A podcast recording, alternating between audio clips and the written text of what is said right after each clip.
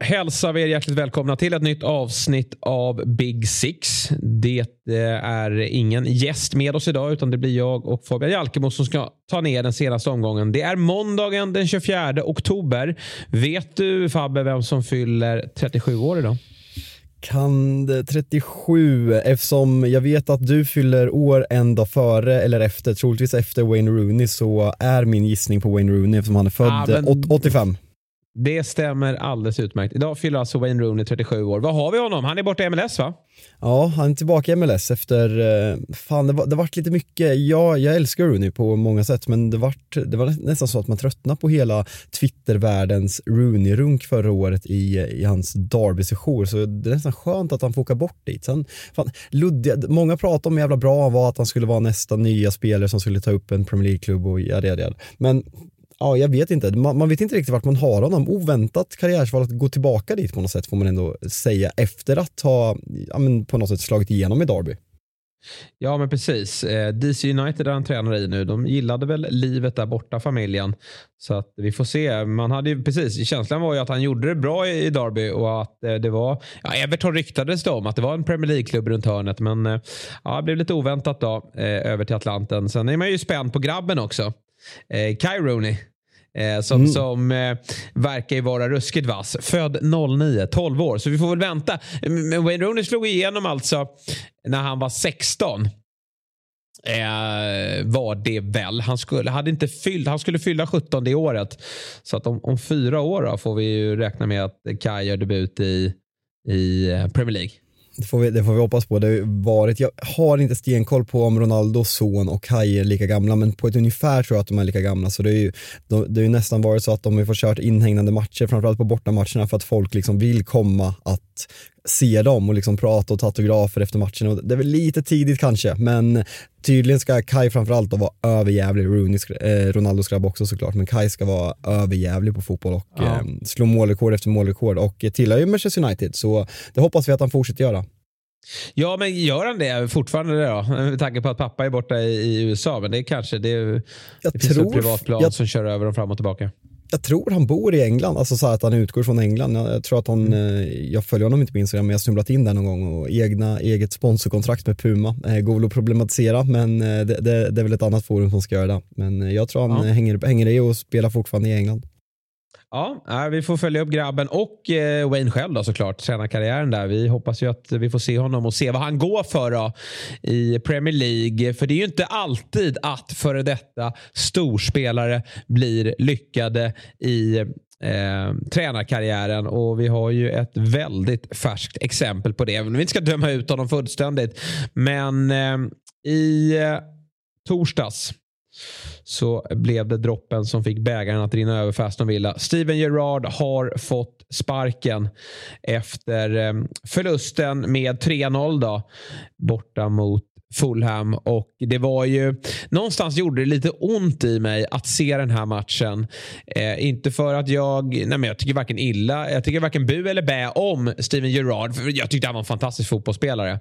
Även om han kanske inte tog sig in hela vägen in i mitt hjärta. Men, men eh, inget agg mot honom heller. Men sen har väl jag haft lite så här, lite allergisk mot eh, spelare som senare då hoppar in i tränaryrket och, och får en, en, en räkmacka in och, och, får alla uppdrag bara för att man var en fantastisk fotbollsspelare. Nu gjorde han det visserligen bra i Rangers. Sen går det alltid att ifrågasätta tränarkarriärer i just Skottland för att det är en liga som består av två lag. Men det var ändå starkt att ta Rangers till en, till en ligatitel. Men sen då, eh, efter lite drygt ett år i Aston Villa där det blev ett Ja, men det går inte att säga något annat än att det var ett fullständigt fiasko. Men för att komma tillbaka till min, min, eh, eh, min, min poäng är ju att det gjorde faktiskt ont att se honom sitta där på tränarbänken. För han, liksom hela fotbollsvärlden, visste ju att det där var slutet. Men just att, eh, jag vet inte om jag har sett en bortasektion eller, eller en, en, ens lagsupportrar gå emot tränaren så, så rejält med sånger också under en specifik match. Jag, jag, jag kommer inte ihåg, jag satt och kollade på något klipp under matchen som kablades ut på Twitter, men de sjunger ju liksom eh, Jared's getting sacked eller, eller någonting i den stilen under hela andra halvlek. Och eh, känslan då att gå in i omklädningsrummet efter matchen för Stimirard, det är liksom, jag har min historia med Stimirard som United-supporter och eh, ja, men alltså, det, det är väl inte han har ju ett agg mot Manchester United för att han är Liverpool through and through och har ofta provocerat Manchester United genom sina fem fingrar när han gör mål på Old Trafford för de fem Champions League-titlarna Liverpool hade vid det tillfället. Så det, det är en historia och en stor rivalitet som finns men alltså så här, på något sätt är man väl ändå medmänsklig och det, hade, hade man inte känt någonting där då, nej, det, det, det var, det var nä, nästan, jo jag tyckte fan synd om honom, jag gjorde det, jag ska erkänna det. Ja, eh, sen, sen så kan jag gå alltid och vända på myntet och han fick uppleva så mycket som spelare och han, han tjänar så otroligt mycket pengar att det där är ju baksidan av det där. Men ja, vi får se vad, vad, vad Steven Gerrard tar vägen här eh, härnäst. Då. Det var ju verkligen många som slog på stora trumman efter succén i Rangers. Att Villa var bara ett mellansteg och att alla väntade på 2024 då, då, då Klopps eh, tidigare kontrakt skulle gå ut med Liverpool och att Gerard då skulle eh, komma tillbaka till, till sin klubb. Men, men, så lär det ju inte bli.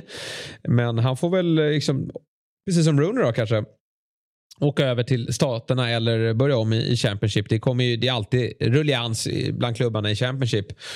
Och lyckas han att få träff där då, då eh, blir han ju såklart het igen. Eh, Aston Villa som fick ju Eh, det är inte alltid man får träff på, på den där typen av rokader. Men eh, det stora problemet för Aston Villa det har ju framförallt varit målskyttet. Bakåt har det sett rätt bra ut men man har ju väldigt många fina offensiva spelare. Men har ju inför matchen då hemma mot Brentford har man väl gjort åtta mål eh, och eh, redan efter typ en kvart så hade man gjort tre. Eh, och eh, riktigt fin effekt på det här bytet. Ja, men det, det är ju sjukt. Man pratar ju ofta om den här den här effekten man får av att sparka en tränare. Jag tror jag lyfter det i helgen. Bara, är det en myt eller är det sanning? Det känns som något som skulle kunna vara, ja, men man, man bara säger det för att det alltid har sagts i alla tider att man får en effekt på en ny tränare. Men det skulle vara kul att se någon statistik på det. Men det som är uppseendeväckande om vi, om vi bara smyger in på den matchen eh, så är det ju att eh, vad eh, Aaron Danks, vad har vi på honom förresten? Nej, ingenting. Nej, absolut ingenting. Har någon någonting så hojta. Men att, ja. han, eh, att han bänkar eh, John McKinn som eh, Gerard utsåg till kapten inför säsongen. Han mm. tog ju bort binden från Mings och McKinn ut från elvan direkt. Sen tror jag inte att det gör att man vinner med 4-0 och får igång målskyttet men ändå så att man, ett statement från, från interimtränaren men att man, att man får igång Danny Ings som, som gör två mål direkt. Det är där vi har belyst i den här podden att de har lika bra spelare, ingen sticker ut. Man måste få någon som kommer igång med målskyttet och här får man en, en perfekt jävla start. Ja, och även eh, Jacob Ramsey som har ju varit, inte bara Gerards, eh, en favorit hos Gerard. Han, han fick ju lite av ett genombrott här i fjol. Och eh, han fick ju också kliva ur elvan i den här matchen. Eh, så att han, han gjorde ju förändringar och fick träff på det. Och vi har ju väl eh, lite ifrågasatt det här med att spela både Olly Watkins och Dan Ings. Här hamnar ju båda i målprotokollet. Och Ings gör dessutom eh, Två mål. Och Bailey då, som har varit lite in och ut i elvan försäsongens eh, eh, hetaste spelare. Han har ju faktiskt gjort det på Premier League också men känslan är att han inte riktigt haft Gerards förtroende. Nu eh, får alla de här tre chansen eh, tillsammans och alla hamnar i målprotokollet. Det är ju fantastiskt skönt för Aston Villa. Och det blir intressant att se nu då. Jag, eh, det kanske är farligt då med en sån här fin start och kanske den här, vad hette han sa du? Eh, Danks. Aaron Danks. jag, jag, jag, jag, har absolut skrivit upp det. Jag, ja. ska, Nej, ska men, eh, jag såg hans namn eh, figurera här på, på, på sociala medier, men alldeles för dålig koll. Men han kanske får fortsätta då, för annars har det ju pratats om Pochettino och Tuchel, men, men det ska inte vara aktuellt då, då de vill ha eh, större uppdrag. Då. Så vi får se vad, vad som händer med Aston Villa. Tufft schema ska sägas, man möter alltså Newcastle borta, United hemma och Brighton borta eh, innan, innan VM. Så det, det är viktiga matcher eh, och ett bra, ett bra skyltfönster för Aaron Danks att, eh, att marknadsföra sig. Om man, även om man inte kommer få det här jobbet så kanske något annat i framtiden. Ja, så är det. Nästa tränare på tur att få dojan då? Vem är det tror du? Alltså det låga oddsaren är ju såklart eh, Jesse March. Eh, det, det började sjungas om, eh, om eh, Bielsa eh, på läktarna uppe upp i, upp i Leeds. Eh, nu så det känns väl ofrånkomligt. Vad har man? Jag tror man har fyra eller fem raka torsk och vi, vi tyckte väl att det såg ganska bra ut och att han fick resultat på sina egna värvningar. Många från, från Red Bull-koncernen där han har en historia men nu börjar det se riktigt deppigt ut och även om man, man inte släpper in och igår Fulham, vad fan, Fulham, vad håller de på med?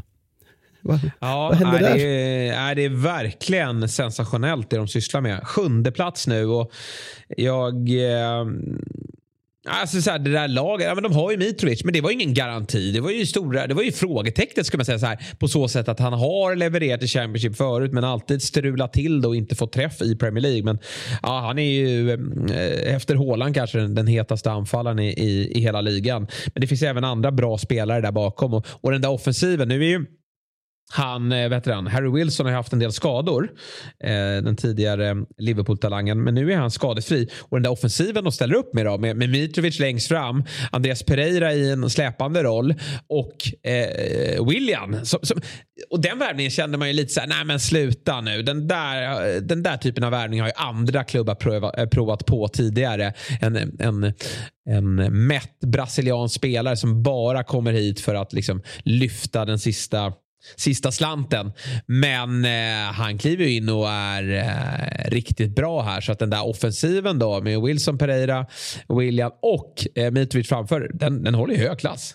Verkligen en spelare som jag inte, det var, det var några som tog ut honom när vi körde eh, vårt eh, Robinson-lag eh, öst och lag väst, när, när vi körde, eller lag nord och syd, när vi körde Ålstad-laget här i Big Six så var ju många som lyfte upp Palinja och det är en spelare som jag hade väldigt dålig koll på ska jag erkänna inför den här säsongen, men jag tycker att han på det där, på det där, i den där balansrollen på det där mittfältet har, har varit väldigt bra. Det är kul, jag, jag kollar nu Leeds, man har alltså inte vunnit sedan 21 augusti när man pulveriserar Chelsea med 3-0. Man börjar alltså med sju poäng och nu Eh, ja. nu efter 11-12 matcher så har man alltså 9 poäng, så två matcher senaste. Det är inte roligt facit alltså.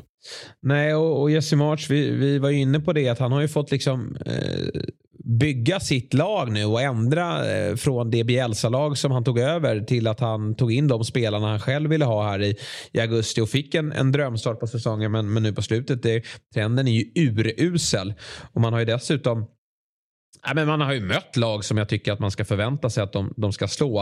Eh, eller Fulham då framförallt på hemmaplan men det är även torsk mot, mot eh, ett svagt Leicester och tidigare även mot eh, Crystal Palace. Så att, eh, Leeds de, de har faktiskt haft ett ganska bra schema bakom sig. Nu väntar ju då Liverpool på, på lördag. Eh, och, och, det är ju Fort, en, fortsatt bra schema.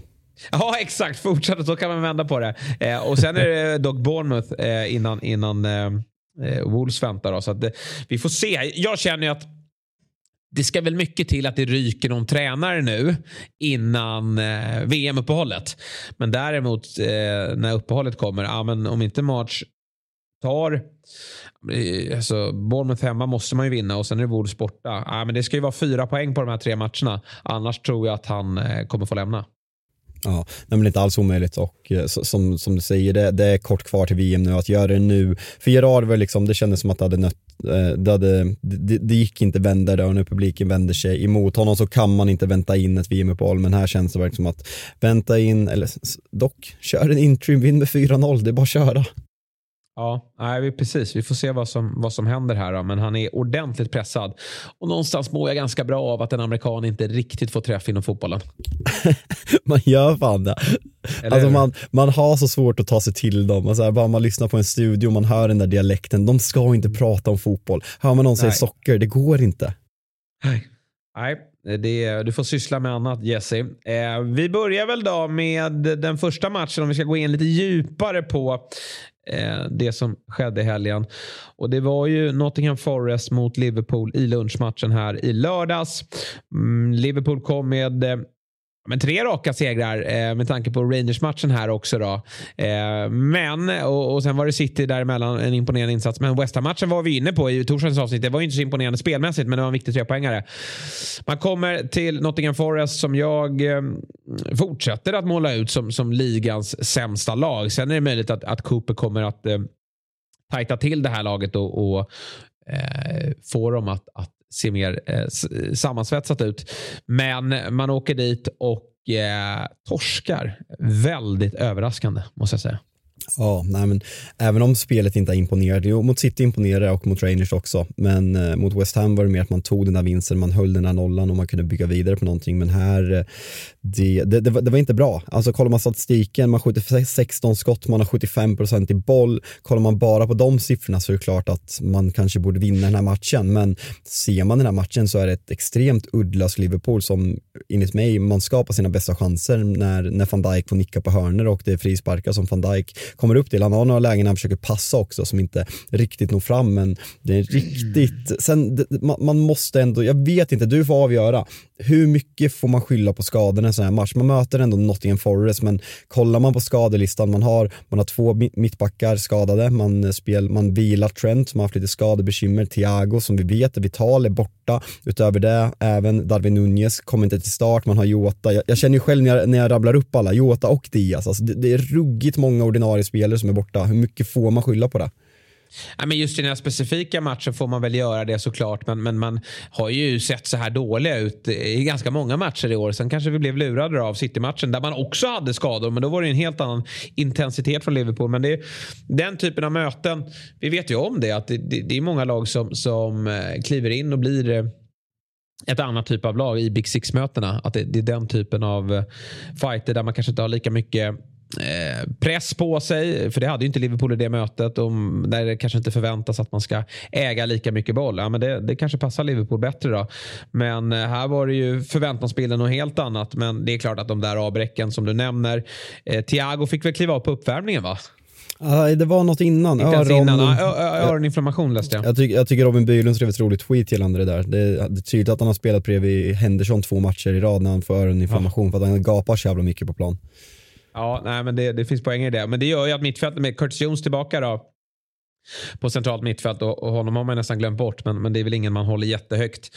Och, och anfallstrion då, eh, ja, om man nu, hur man nu vill påstå att Liverpool spelar då, men, men eh, Salah, Firmino, Carvalho, eh, Harvey Elliot, ja, men jag tycker ändå att den offensiva kvaliteten som finns i det lag, i, i, i de spelarna, det ska ju vara tillräckligt för att montera ner Nottingham Forest och göra mål på dem. För vad jag tycker framförallt Nottingham Forest har varit eh, sett svaga i, det är ju defensiven. Otroligt ihåligt. Det var helt sjukt att, att Brighton inte gjorde mål på dem i, i mötet eh, innan. Då. Och, och, och, tidigare matcher så har det också eh, läckt ordentligt bakåt. Då. Så det, det är för svagt av Liverpool att inte kunna skapa eh, eller kunna göra mål, skapa ytterligare farligare, eh, farligare chanser i öppet spel. Det farliga blir ju mot slutet då när det forceras och, och eh, det är fasta situationer. Och där visar ju Dean Henderson att han är en fruktansvärt bra målvakt. Sista räddningen där på eh, van Dijks nick, den är ju den är brutal.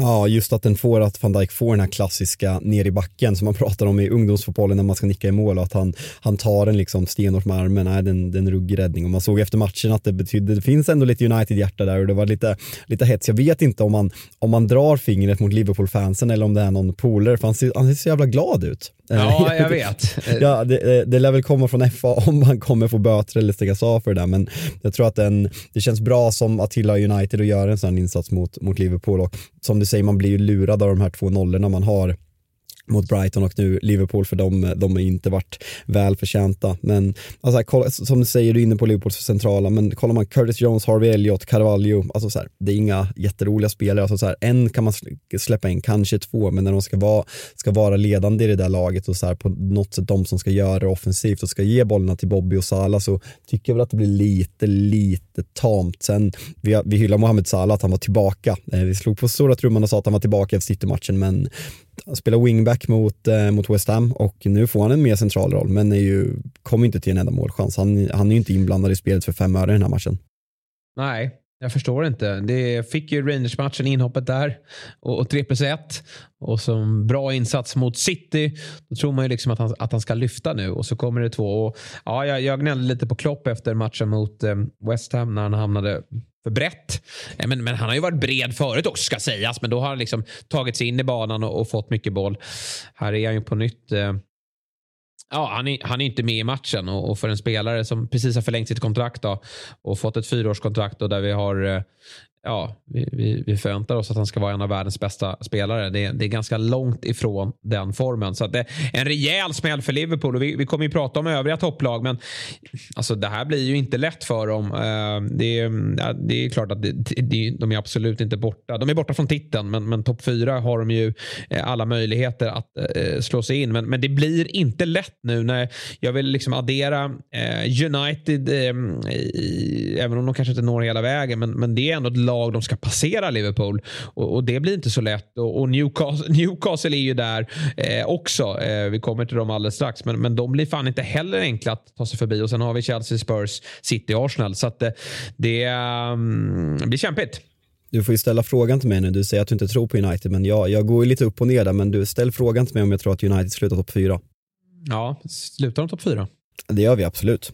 Eh, ja. Inget snack om saken. Men gällande, gällande Liverpool, man, man har en extremt viktig match. Och eh, tidigare har man känt att den här matchen, ja, men Liverpool kommer lösa det här. Man ska alltså till Amsterdam och möta Ajax och man, man kryss räcker. Men vinner Ajax och slår inbördesmötet som, eh, som Liverpool vann på Anfield med 2-1, då ser det jobbigt ut för, för Liverpool i den där Champions League-gruppen med tanke på Eh, eller då, det, är, det, det är väl bara inbördes möten förresten, så eh, målskillnadsaffären mot Napoli, som både, både Liverpool och Napoli har torskat mot Ajax, så, eh, så kan den där matchen bli väldigt, väldigt viktig för Liverpool. Ja, eh, precis. Eh, den tror jag kommer bli eh, ruskigt viktig. Sen, sen, är det väl som så att precis, Napoli, de kommer väl eh, säkra sitt kontrakt här då. Eller sitt kontrakt, det lät fel. De kommer säkra sitt avancemang när de slår Rangers i nästa omgång. Så då har inte de något att spela för. Men eh, Ajax kommer ju å andra sidan möta Rangers i sista omgången också. Så den, den är jätteviktig den här fighten och den är inte lätt. Eh, Ajax borta är en, en riktigt jobbig match att ha eh, framför sig nu. Och sen då eh, på lördag kväll Leeds United som är ju kanske ett tacksamt motstånd att ha nu då. Men, men eh, ja, det, vi har sett eh, Liverpool vara svaga i den typen av matcher tidigare under säsongen också. Då. Ja, eh, huvudbry kring Liverpool. Eh, det fortsätter att vara så. Under lördagen så spelade också då eh, City hemma mot Brighton.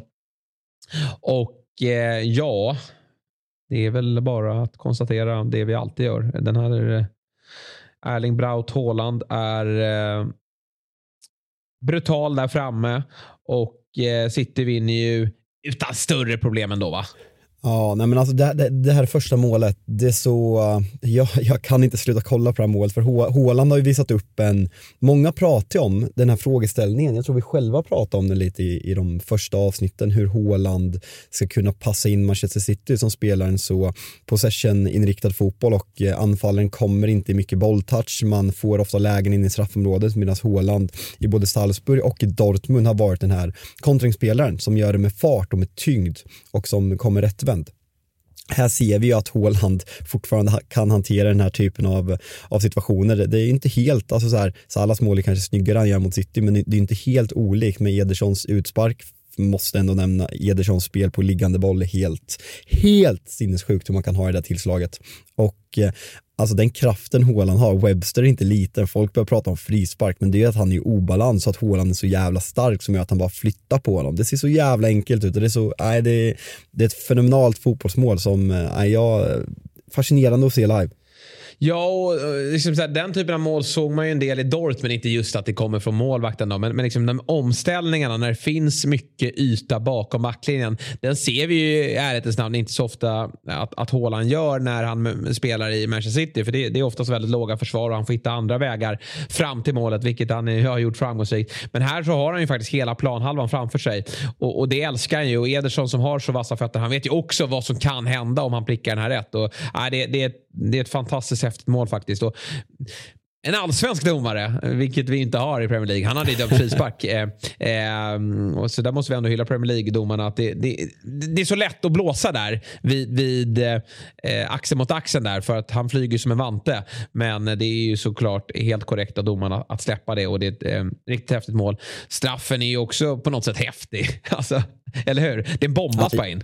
Ja, alltså det är lite, alltså Zlatan kom ju senare i sin karriär att han missade ganska mycket, men det är verkligen, alltså direkt på pipan, det känns som att Sanchez inte ens fattar att han slår det så fort och sen bara, alltså omvänt mm, sida från Zlatan då, eftersom han är vänsterfotad, men äh, sån jävla pondus i den där straff, äh, strafffoten så det finns inte. Och jag skrev ju det i vår interna chatt att äh, blir det ett mål till så är det ju bara att döpa avsnittsnamnet till Hålande Fusk 3.0 och vi, vi lär väl landa i Hålande Fusk 11.0 när säsongen är, är summerad, men äh, alltså när, när kommentatorerna sa att han alltså har gjort 17 mål på 12 matcher, alltså så här, man, mm. man vet ju hur bra han har varit med 17 mål på 12 matcher. Alltså, jag kommer ihåg när Berbatov och TVs delar på skytteligasegern på typ 19, eh, om det är säsongen, eh, om det är säsongen 10-11 eller 11-12 där någonstans. Det är liksom, ja, det är helt surrealistiskt.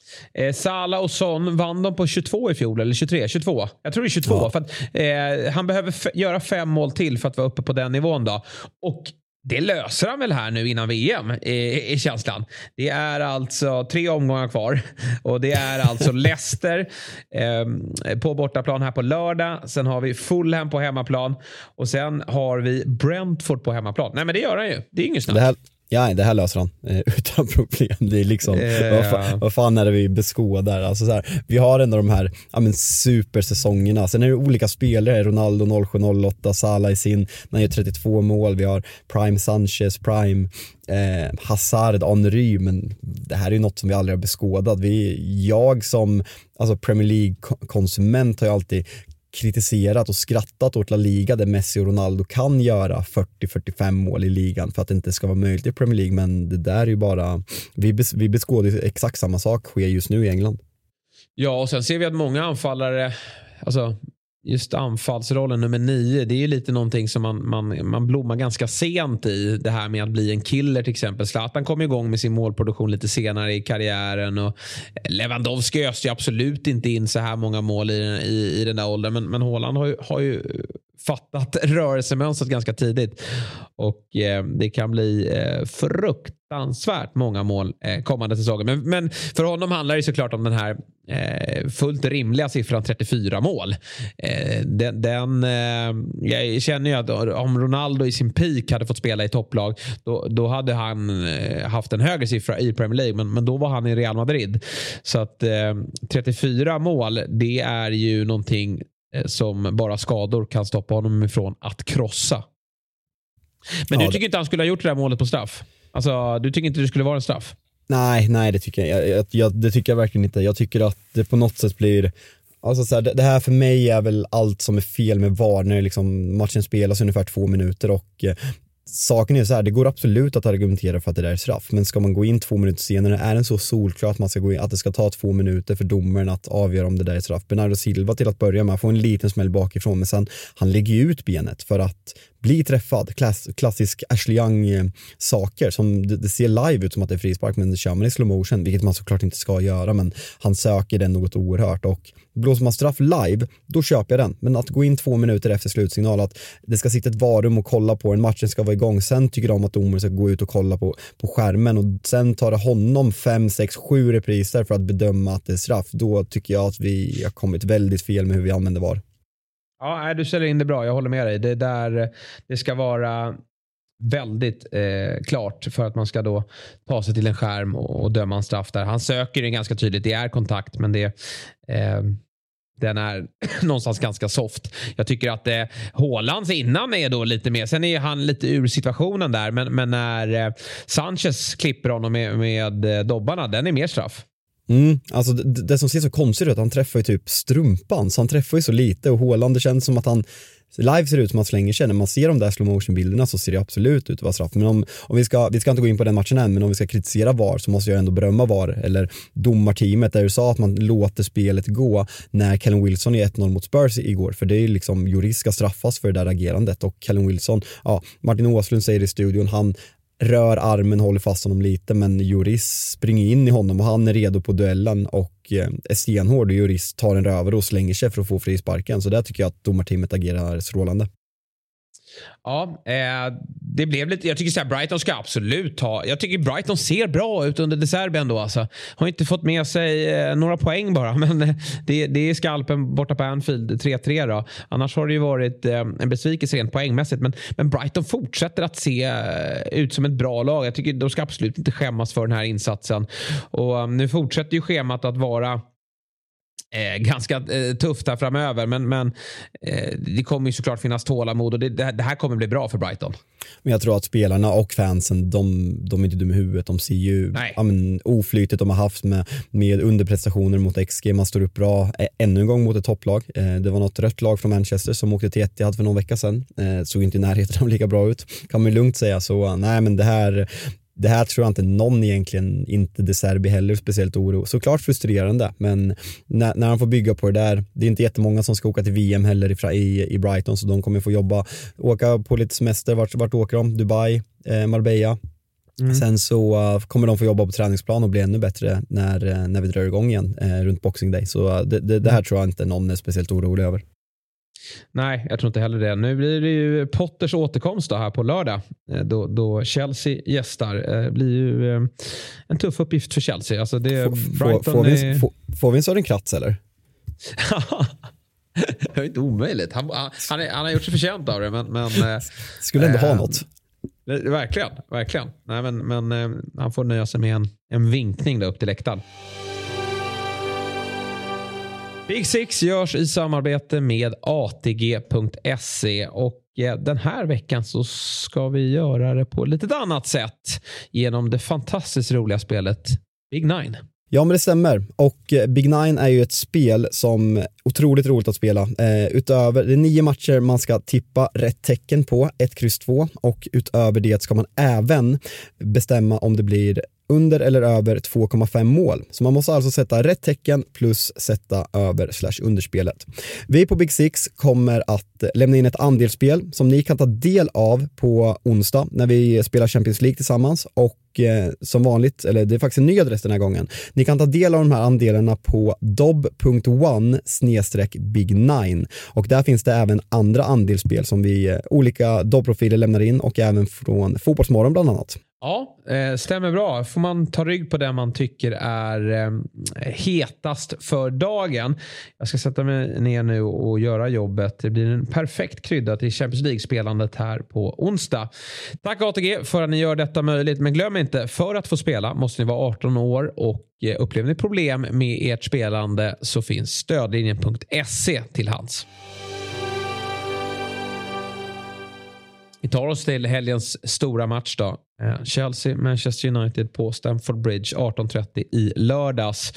Och jag i mångt och mycket tycker nästan att den här matchen är en imponerande, mer imponerande från Uniteds sida än den när man möter Spurs. Alltså, United var ju klart mer dominanta mot Spurs. Men jag tycker att det är fascinerande på så sätt att United, för det har jag inte sett United göra, de har, de har, de har tagit eh, poäng i Big Six-möten under tidigare tränare. Eh, men då har man gjort det på sättet att man ligger lågt, ställer om och, och låter de liksom individuellt skickliga spelarna avgöra matchen. Och så har man eh, slitit framför sin målvakt. Mot Spurs här, då är det också någonstans att Conte han lämnar över initiativet och, och, det ska man inte ta för givet att det för ett lag, ett topplag att, eh, att det är så enkelt att, att ja, mot ett försvarsskickligt lag eh, spela ut ett, en motståndare så som United gjorde. Men man lämnar ändå över ett initiativ. I den här matchen så vet vi att Potter vill ju äga bollen. Han vill ju styra den här matchen. Men första halvtimmen så är Chelsea chanslösa till att göra det. Så det, eh, sen är det imponerande Potter att han gör ett taktiskt byte. Kuchereya får kliva av. Eh, Kovacic kommer in för att få lite bättre kontroll på mitten och det, det bytet ger effekt.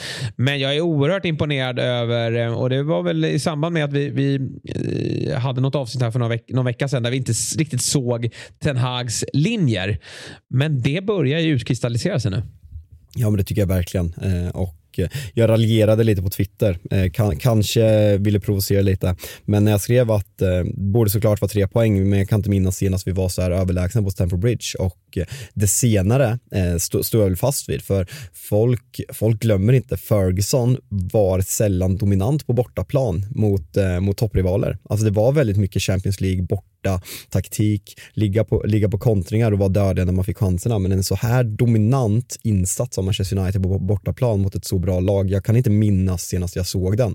Sen matchen jämnas ut sista halvtimmen, men ser man till målchanser sett över 90 minuter så tycker jag att Manchester United är klart bättre. Och jag pratade lite om det efter matchen mot Tottenham när jag jämförde Marcus Rashford och Harry Kane. Men jag börjar mer och mer känna att Ten Hag är på en extremt rätt väg och men det, det, det, syns mer och mer tydligt i en sån här match att United saknar en, en nia av världsklass. För har vi en ja. nia av världsklass så vinner vi den här matchen. Den här matchen är avgjord innan Chelsea gjort sitt byte. För Rushford är ingen nia, han kommer inte vara där. Sancho är för dålig, Rushford ska spela på vänsterkanten och vi behöver få in en bra nia och ledsen, det är inte Tony Martial. Det, det behöver värvas. Det kommer inte ske den här säsongen, men eh, förhoppningsvis kommer man gå all in. Och det finns så mycket att ta med sig som är positivt med Manchester United. Jag tycker att vi kommer till målen och sådana saker och där har jag väldigt mycket positivt att ta med mig. Men ytterbackarna, jag tycker Dalot är väldigt bra den här säsongen. Jag tycker att det, det är helt sjukt. Shaw, så fort han får en rival på den här vänster, vänsterbacksplatsen ja. så, blir, så blir han ligans bästa vänsterback. För hans,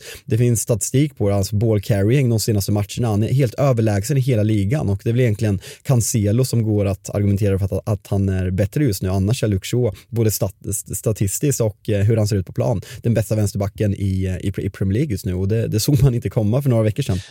Nej, inte för några veckor sedan, men, men för något år sedan så var han ju det också. Han, var ju, han hade ju, som, som, du säger, någon, någon säsong där. Det var, det var väl innan, innan EM, precis. När han får lite flås i nacken så, så, så steppar han upp. Men, nej, men eh, jag håller med. Det, det är ju nya United behöver. Rashford är bra, men, men han bränner lite mycket. Jag tycker att han ska utgå från vänster. Men det, jag tror att här, signalvärdet i den här typen av insatser. Återigen, United har vunnit mot topplag förut, men jag har alltid känt att ja, visst, grattis till tre poäng, men, men det där spelet håller håller inte i längden. Det är inget lag som utmanar ändå. Men nu börjar liksom insatserna bli så pass bra. Nu, nu, nu ser det ju ut som ett lag igen, eh, vilket man inte har sett United vara på, på väldigt många år om man ska vara ärlig. Och, och det signalvärdet tror jag i så här, det här är världens rikaste klubb. Eh, nu blir det ju jobbigt för konkurrenterna för att nu tror jag att det kommer, om, om den här kan bygga vidare på det här, återigen, det, det, det har gått två bra matcher men kan den här bygga vidare på det här och, och United fortsätta att, att, att, stå för en bra fotboll och även att man kan montera ner de, de sämre lagen. Ja, men då kommer ju liksom spelare börja lockas av det här. Alltså, pengarna finns där, här har du din lön, men nu har vi också ett intressant projekt här. Nu har vi en tränare som, som eh, eh, står för en fotboll som, som man vill vara del av. Och Då tror jag att en sån som Frenkie de Jong kan eh, revidera sitt tidigare beslut. Jag tror att någon, en, en anfallare gärna kliver fram och, och leder frontlinjen här. Eh, och, och eh, ja, men liksom det, Värvningarna har ju faktiskt varit lyckosamma här nu i somras. Lisandro Martinez, nu är det jag som säger det. Du har eh, gapat eh, väldigt mycket om honom, men, men han är ju jättefin bredvid varann. Vi har Casemiro som, som kliver in och blir den här fältherren som United inte har haft på, eh, ja, jag vet inte, jag vet inte sen, vem ska vi ta? Är det Carrick eller? Du kan ja, det alltså, bättre. Alltså, jo, Carrick, alltså så här, Carrick är en av världen, eller världens, nu ska, nu ska jag inte slå på st stora trumman, men en av Uniteds modern tid mest underskattade spelare, men samtidigt, Casemiro har vunnit fem Champions League, han startar för Brasiliens landslag, Casemiro är bättre än vad Michael Carrick var, hur mycket man än älskar Michael Carrick, så det här är en nivå som vi inte har haft på ett centralt mittfält, för under Fergusons senaste år, det var, det var Carrick, det var en åldrad Scholes, det var, vi vann ligan med Andersson och Cleverley där inne, det fanns inte riktigt, jag säger att vi måste gå tillbaka till Roy Keens tider, Roy Keane och Prime Scholes för att hitta en sån här bra spelare i Manchester United, sen det är få insatser, men om man går på den karriären han har haft och vet vilken kvalitet han håller så det är där någonstans vi landar. Såg du förresten, alltså så här, Lisandro Martinez, han, han är ju en publikfriare av Guds nåd, men såg du, han är ju alltså, han bara kastar sig in i borta sektionen vid kvitteringen och sen slänger han upp bilden när han står och håller i en borta supporter och kramar om honom. Mate, Nej, I, don't know, I don't know who you are, but we're in this together, fighting until the ja. end. Och det, det är sånt publikfrieri, men det är så smart och det, man ser verkligen. Ja, att han bara flyger in. De lägger upp en bild när Anthony firar med, med fansen och sen ser man ser man Lisandro Martinez liggandes bland fansen. Det, det är sånt man gillar. Och fan, ja. jag jag, nu pratar jag verkligen som supporter och inte ett dugg neutral i det här men jag, jag har klagat på och känt verkligen de senaste åren och det har ju med att göra att vi har varit väldigt dåliga men jag, det var länge sedan jag kände något för, för ett Manchester United-lag men de här två insatserna nu och man, man ser vad det betyder för dem. Folk pratar om att Casemiro bara gick för, för, eh, för pengarna eh, men jag, jag, jag, ser liksom Anthony, en jävla gris, Lisandro Martinez, en jävla gris, vi har Casemiro och man ser alltså firandet och folk säger ja men jag, jag, jag tror att det handlar mycket om att man, man är där i stunden och att en sån som Casemiro nu kommer jag pissa på spansk läktarkultur, men bortasektioner finns inte. Alltså den här Nej. inramningen på de här kvällsmatcherna, ja de har något derby som är liksom jättebra stämning publikmässigt, men de här de här aktionerna som är en, eh, göra mål i 93 minuten i ett stormatch mot en bortasektion. Casemiro har aldrig upplevt det här på det här sättet. Så jag tror, att, jag tror att det där betyder väldigt mycket för en sån spelare. Som även fast man har spelat i världens största klubb Real Madrid så det här är något som han aldrig upplevt och det tycker jag man ser på känslorna och hela Manchester United hur mycket de, hur mycket de tror på det här och hur mycket de trivs med varandra. Någon, något som inte jag har känt på väldigt länge. Nej, jag förstår att du, du känner lite hopp om framtiden faktiskt. Sen, sen är det ju många bitar som ska falla på plats i övrigt också. Och vi har ju Ronaldo-soppan där. Man måste hitta en lösning på det. det har, vi behöver inte ta det så mycket mer, men, men eh, vi är väl båda överens om att det, var, eh, att det är rätt agerat av Ten Hag här. Verkligen. Jag kan bara eh, köra det senaste. David Ornstein körde upp sin eh, måndagliga eh, artikel nyss på The Athletic när Laurie Whitwell eh, som skrev för Manchester United rapporterade det senaste. Och eh, United har ju alltså fått 24 timmar eh, ledigt efter, efter matchen så man, man tränar inte förrän på, på, på tisdag. Då. Så eh, då ska Ten Hag prata med Ronaldo. Ten Hag vill ha kvar Ronaldo resten av säsongen men att han måste acceptera att inte vara ordinarie Samtidigt som United blir mer och mer öppna för om Ronaldo inte kommer att acceptera en sån roll, vilket han obviously inte gör, att man kan släppa honom gratis. Men eh, för, för i, som, i somras så krävde man en övergångssumma för honom, vilket man troligtvis inte kommer göra nu om han går med på att bryta kontraktet. Om han hittar en klubb, vilket han inte gjorde i somras, då mer och mer, alltså så här, Ornstein, Whitwell, Andy Mitten, alla kablar ut. Det var bara den saudiska klubben som på riktigt var eh, intresserade. Sen får Roy Keane sitta och säga vad fan han vill i Sky Sports, att han är polare med Ronaldo, att han är en älskar hans mentalitet men det fanns inga intressenter så att blamea Manchester United för att man har satt sig själv i den här situationen, det, jag, jag köper det verkligen inte. Så det är Nej. det senaste, att eh, United öppnar för att släppa honom gratis helt enkelt. Ja, och VM blir ett skyltfönster för honom då. För kan han steppa upp där och vara riktigt bra, eh, då, då mm, tror jag absolut att eh, klubbar kan nappa. För då, då visar han att han håller sportsligt och han har ju saker han fortfarande vill uppnå. Han vill ju fortsätta ösa in mål för att förbättra alla rekord som han har eh, krossat. Så att det blir intressant att följa honom, men jag tycker att United har ju verkligen agerat rätt här. Eh, motståndarna, Chelsea, de... Eh, ja, det, det, finns ju lite att jobba på för Potter. Problem med målskyttet eh, tycker jag mig se. Eh, och jag tycker att det är... Eh, Ja, det, det, är inte, det är ingen given fullträff ännu, även om jag tycker att försvaret sitter där. Men, men att det, det, det, finns att, det finns saker att jobba på offensivt. Mm, jag tycker man ser väldigt tydligt. Reece James, ska vi nämna hans eh, hår eller ska vi skippa det? Han hade en, eh, en torva på skallen. han saknar gräset så jävla mycket så han flyttade upp det på håret ja, och sen tills, till, tillsammans med den jackan, nej jag, jag, jag vet inte fan alltså.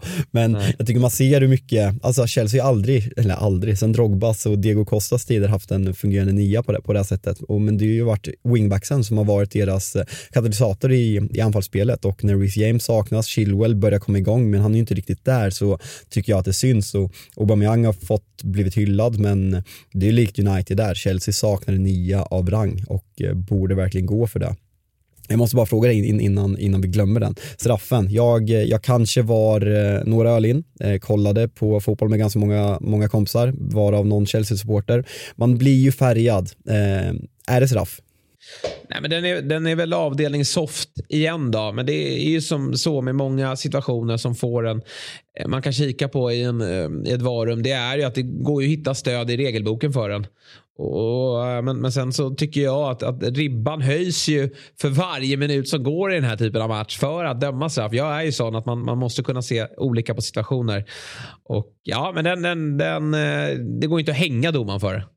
Nej, alltså det är klart det inte går och jag, fan, det, det är det som du är inne på att i 86 minuten, Stamford Bridge, Chelsea, Manchester United 0-0 alltså Stuart Atwell, han har ju bestämt sig. Han, han vill ta den här straffen, han vill kliva in i centrum så att det ska handla om honom. Och folk skriver till mig, är du dum i huvudet, den är så oklar, han håller i honom. Ja, han håller i honom, men sådana här situationer är det väldigt ofta och domarna tar, tar den inte. Stuart Atwell har bestämt sig, han vill kliva in i centrum och det är det som är skillnaden här. Sen ja, alltså så här, det går att argumentera. Jag säger inte att det, att det är en felaktig straff, men jag tycker att eh, i det här läget i den här matchen, vi, vi pratade om det samma sak i North London Derbyt när när, vem, vem är det som åker ut, jag kommer inte ens ihåg, som gör den på, på Martinelli. Emerson Real. Eh, när, när Emerson får det röda där. Eh, spelförståelse. Ma, ma, är, är, det, är det Brighton mot, mot Leeds i matchminut 45 så ska det krävas mindre än när det är Chelsea Manchester United i matchminut 85 eller ett North London Derby för ett rött kort. Det måste, vi måste ha den spelförståelsen och det är väl där jag landar. Sen får folk säga vad de vill om det. Ja, nej men eh, du har poänger här även fast du är färgad. Sen löser det sig på ett eh, bra sätt då för United. Kepa är ju på den där. Det är ju, ja, det är ju, där är det bra att vi har goal eh, line technology i alla fall. Fan vad lite den är inne. ja, den är inte inne med mycket men det går inte att ifrågasätta i alla fall. Bollen är inne och det ska vara 1-1 och, och häftiga känslor efter det där. Men Kepa har ju verkligen klivit in och, och blivit en, en, en jätte där bak och han är nära att bli eh, ordentlig matchhjälte. Jag vill också spinna vidare lite på det där som du säger James. Otroligt viktig för eh, Chelseas offensiv. Och man, jag förstår att det inte är så kul att vara eh, ersättare, wingback-ersättare till eh, Reece James. För man, man får inte spela särskilt många matcher för det är han som ska spela det mesta. Men när han blir skadad, vilket han blir ibland, då är det tydligt att man, man saknar den här spelaren. Och han betyder så mycket för, eh, i båda riktningar för Chelsea. Han är grym defensivt och otroligt viktig offensivt. Och De behöver som sagt komma igång sista tredjedelen och, och där är Reece James väldigt avgörande. Så att, eh, inget bra att han saknas även om det är snart. Det är ju snart uppehåll och sen är han tillbaka. Men eh, det slår hårt mot dem. Eh, så får vi se här om de... Eh, de har ju Arsenal kvar att möta här som Big Six-lag. Det blir ett jäkligt spännande möte. Eh, men, men där behöver ju Chelsea vinna. Det, det är ett getingbo om topp fyra-platserna är känslan. För två lag som är med där uppe då, de möttes ju på, på eh, söndagen i form av Spurs Newcastle. Och eh, det är eh, häftigt det Eddie Howe fortsätter att syssla med. För att man vinner ju eh, olika typer av fotbollsmatcher. Det är inte, man, man är bra mot de sämre lagen. Då kan man ju, har ju sett 5-1-segrar. Eh, man har nu vunnit mot eh, Spurs. Man har kryssat på Old Trafford. Man har kryssat hemma mot City. Så det finns ju olika typer av, av matchplaner och olika sätt att eh, eh, ta poäng. Eh, och, och, man gör det med ett lag som jag Alltså, man har ju förstärkt det. För man har en, en pengasäck, men det är inte ett lag som kanske ska ligga på fjärde plats.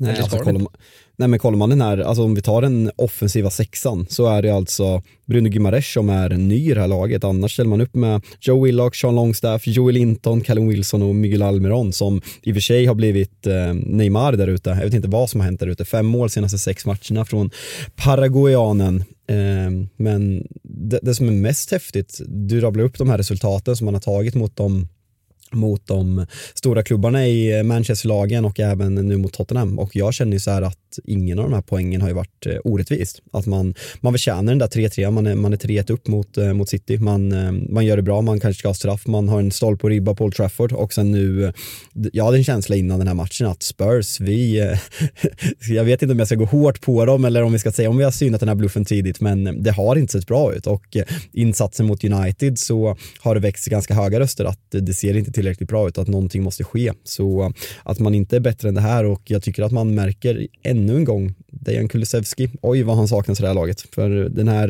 3-5-2an är inte lika bra som den mer dynamiska när de får när de har Dejan där ute på kanten.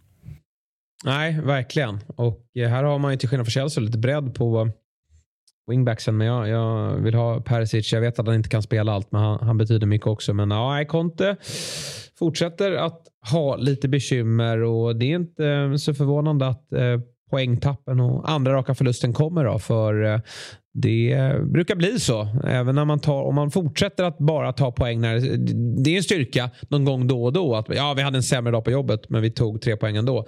Men när det liksom upprepar sig så, så blir det till slut eh, Eh, eh, syns det även i, i poängprotokollet. Eh, nu, nu, är det ju dock så att det är en, en, eh, en, en, eh, liksom en vi har en liga där väldigt många lag är starka. Eller så är väldigt många lag svaga. Det beror på eh, hur man ser på det. Men det kommer fortsättas att tappas poäng eh, för eh, våra förväntade topplag. Så det eh, ska man verkligen ha med sig här tycker jag. Att det, ingenting är kört, men det vi kan titta på det är ju hur spelet ser ut. Och där just nu känns ju Eh, Eh, City fortsatt vrålstarka. Eh, United är på gång. Men sen eh, hackar lite grann i Chelsea. Det hackar ganska ordentligt i Spurs. Och sen har ju även Arsenal eh, sett lite sämre ut här mot slutet. Alltså, det var ändå så här, Alltså, det är jätteväntat på något sätt och det här säger jag verkligen inte för att provocera Arsenal. Jag har liksom berömt Arsenal jättemycket och de ska ha all cred i världen för den säsongen de har gjort. Många hade tippat dem fyra, femma, kanske till och med rent utav sexa. Men att man att man får en, en liten, liten formdipp som kanske är de här två matcherna nu mot Leeds eh, och Southampton och ändå löser fyra poäng. Det är en jättestyrka i sig, men att man bara ska förvänta sig att man ska rada upp segrar, även om det är mot sämre lag på pappret. Det beror ju bara på att man har fått enorma förväntningar på, på Arsenal för den, den otroliga starten man har gjort. Men eh, det, det, det, gäller att vända det här. Man, eh, man har väl ett skapligt schema efter man lyckades eh, ta sig igenom matcherna, vilka fan var det, eh, mot Tottenham och Liverpool. Eh, så det, det, är viktigt att hålla igen nu, att, att, man håller, att man håller igång det här ända in till uppehållet och man har ju en väldigt passande, man har redan avgjort sin Europa League-grupp, sen har man en väldigt passande uppgift mot, mot Nottingham Forest eh, nu i helgen innan matchen borta mot Chelsea eh, väntar. Eh, så um, viktigt för Arsenal att eh, i alla fall ta, alltså tar man tre, tre poäng mot Nottingham och torsk mot Chelsea så är det ingen katastrof, men fyra poäng i de här två matcherna skulle vara en ruggig boost för Arsenal att gå in med i uppehållet.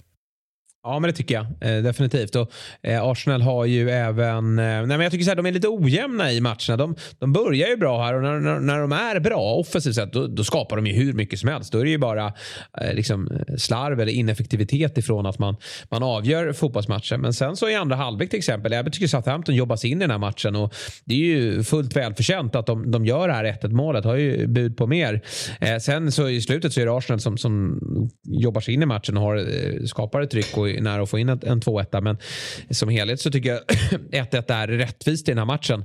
Och eh, Arsenal behöver bli lite jämnare över, över 90 minuter och när man har sina bra perioder då det sprudlar kring, kring Arsenal då, då måste man faktiskt göra eh, lite fler mål än vad man, man eh, gör just nu. Men det, poängtappet skulle kanske redan ha kommit på Ellen Road förra veckan. Nu kom det här mot Southampton som, som står för en stark insats. Det är inte hela världen med ett kryss där borta utan det är bara att eh, fortsätta att eh, eh, ånga på här nu och nu har de ju liksom Nottingham Forest på lördag. Även om de är lite hetare för stunden eh, så, så, så, ska inte det vara några som helst eh, problem för dem. Det är bara att gå in på ATG och lägga att eh, Nottingham håller nollan, den är tokgiven. Ja, exakt. exakt. nej, men, är... nej, men, nej men Arsenal, eh, Granit Xhaka tycker jag vi måste hylla. Eh, ja, vi har missat honom lite. I, i målskytte också, Arsenal-fansen har ju varit väldigt, väldigt på oss där att han förtjänar cred och det är ju bara att skriva under vilken, vilken revival. Han har varit utdömd både två och tre gånger, både hos Arsenal-fans men kanske framförallt motståndarfans och eh, när han, alltså han har ju varit bra när han spelar med Thomas Partey och eh, jag tror att det är väldigt viktigt för att man har Thomas Partey för då kan Xhaka göra vad han är bra på att vara den här tvåvägsspelaren för vi vet ju att han har ett väldigt bra skott och en ledare på plan med det vokabulära som kanske inte Martin Ödegaard är även om man har, även om man har binden så eh, jätteviktigt att han får kröna det här med det här målet också. Sen så här, ska man börja bli lite, Saka har ju verkligen kommit igång med målskyttet nu men Eh, Gabi Jesus, eh, fantastisk start, har eh, svalnat lite senaste tiden eh, och vi vet vilken skillnad det gör när Arsenal har den där nian kontra när man har haft ja, men Lacazette och man hade Enketia senaste tiden för, förra säsongen. Det är väldigt, väldigt, väldigt viktigt att man får igång Gabi Jesus igen. Ja, definitivt. Nej, eh, han, han måste steppa upp här nu. Sen tycker jag så här, han, han, skapar mycket längre. Han är lite slarvig i, i avslutsmomenten. Jag tycker att han har, han har haft bud på att göra väldigt många fler mål. Får väl lossna här då. Nottingham Forest hemma är ju en perfekt match för honom att, att, att hitta tillbaka. Eh, och så kliver man in med en bra känsla inför mötet mot eh, Chelsea som blir eh, högintressant helgen efter. Bra så. Är det något annat vi vill ta med oss från eh, omgången? Alltså vad finns Everton. det att Ja, Everton ska vi såklart nämna. Det, ja, men DCL, nämna att, ja, men DCL, vilket, vilket klassmål han gör. Ja, verkligen. Att, att, men att han får den starten, första matchen från start eh, efter skadan och eh, kommer tillbaka och eh, får det här målet och får med sig publiken, får med sig Everton och att man, att man vinner med 3-0 den här matchen. Eh, såg man ja. inte komma. Man såg en målsnål match mellan två lag man inte riktigt vet vart man har. Men eh, ruskigt imponerande av Everton. Ja, för nu blir ju helt plötsligt den här offensiven lite annorlunda. Förut har det varit så här att ja, men vi tycker att Gordon, Gordon är bra, men det har ju ändå varit att det, det, han ska inte vara nio, han ska inte bära den där, det där anfallet. Men nu när DCL, peppa peppa då, är frisk, då, då blir det där anfallet med, med Ivobi bakom som bara fortsätter att eh, eh, leverera, ja, men då, då är helt plötsligt eh, Evertons eh, offensiv betydligt mer eh, sexig än vad den har varit eh, i inledningen av säsongen. Så det är bara att hoppas att DCL får vara frisk. Han visar ju liksom, eh, han är med och vinner boll. I, han återerövrar bollen, får, får den tillbaka då av Ivobi och sen så tar han sig förbi eh, Guay på ett snyggt sätt och, och bombar in den. Då. Så det där var ju nej, så otroligt viktigt mål på, på så många sätt för, för Everton. Och ehm, eh, skönt för dem att tillfället i alla fall få lämna det här getingboet som, som eh, är där nere vid släcket. Det kanske kommer bli så att någon representant från Arsenal kommer ringa upp mig snart och den här, du, du snackar om den här återköpsklausulen för Ivobi. Ja, exakt. Stämmer det eller? Fan, två assist ja. igen och vad är det som sker? Ja, men precis. Han kanske tar, tar steget tillbaka här nu. Så, så bra är han ju faktiskt. Eh, nej, men det är väl bara det att problemet är att Arsenal också har, har tagit kliv eh, och blivit ännu bättre. Eh, Champions League väntar i veckan. Eh, mm. För eh, våra eh, storlag. Chelsea har en viktig match borta mot Red Bull Salzburg.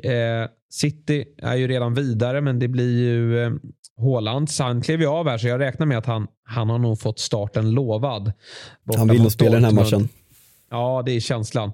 Men det är ju bara, den matchen är ju bara av intresse att se eh, om eh, Håland gör mål i sin återkomst. Sen då, Liverpool. Superviktiga matchen borta mot Ajax. Och Spurs eh, ska ju vinna, men den är också viktig hemma mot Sporting.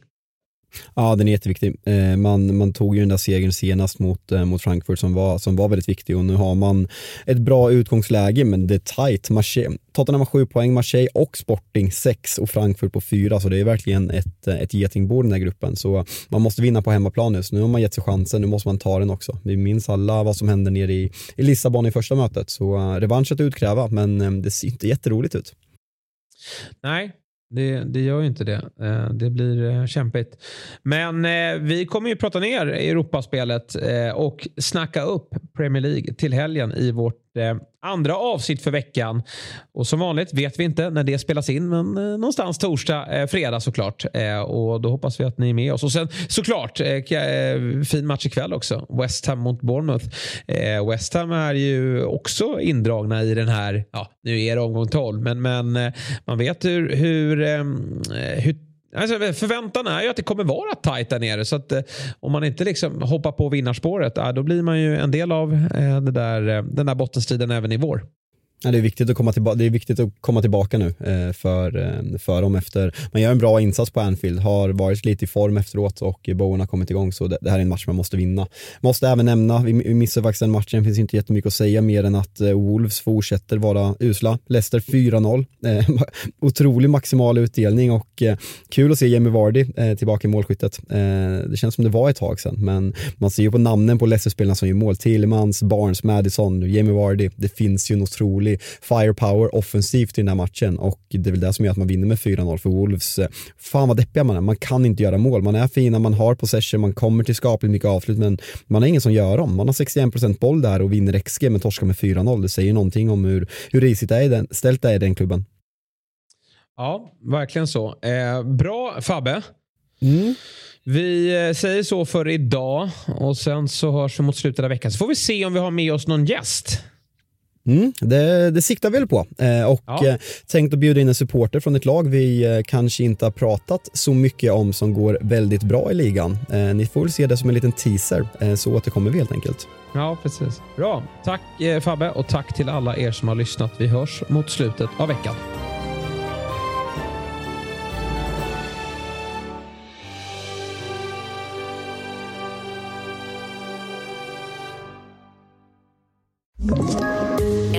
Poddtips från Podplay.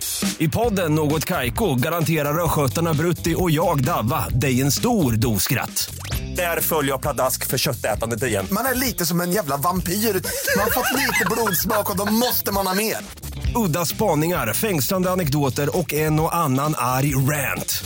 Jag måste ha mitt kaffe på morgonen för annars är jag ingen trevlig människa. Då är du ingen trevlig människa, punkt. Något Kaiko, hör du på Podplay. Därför är gardinerna.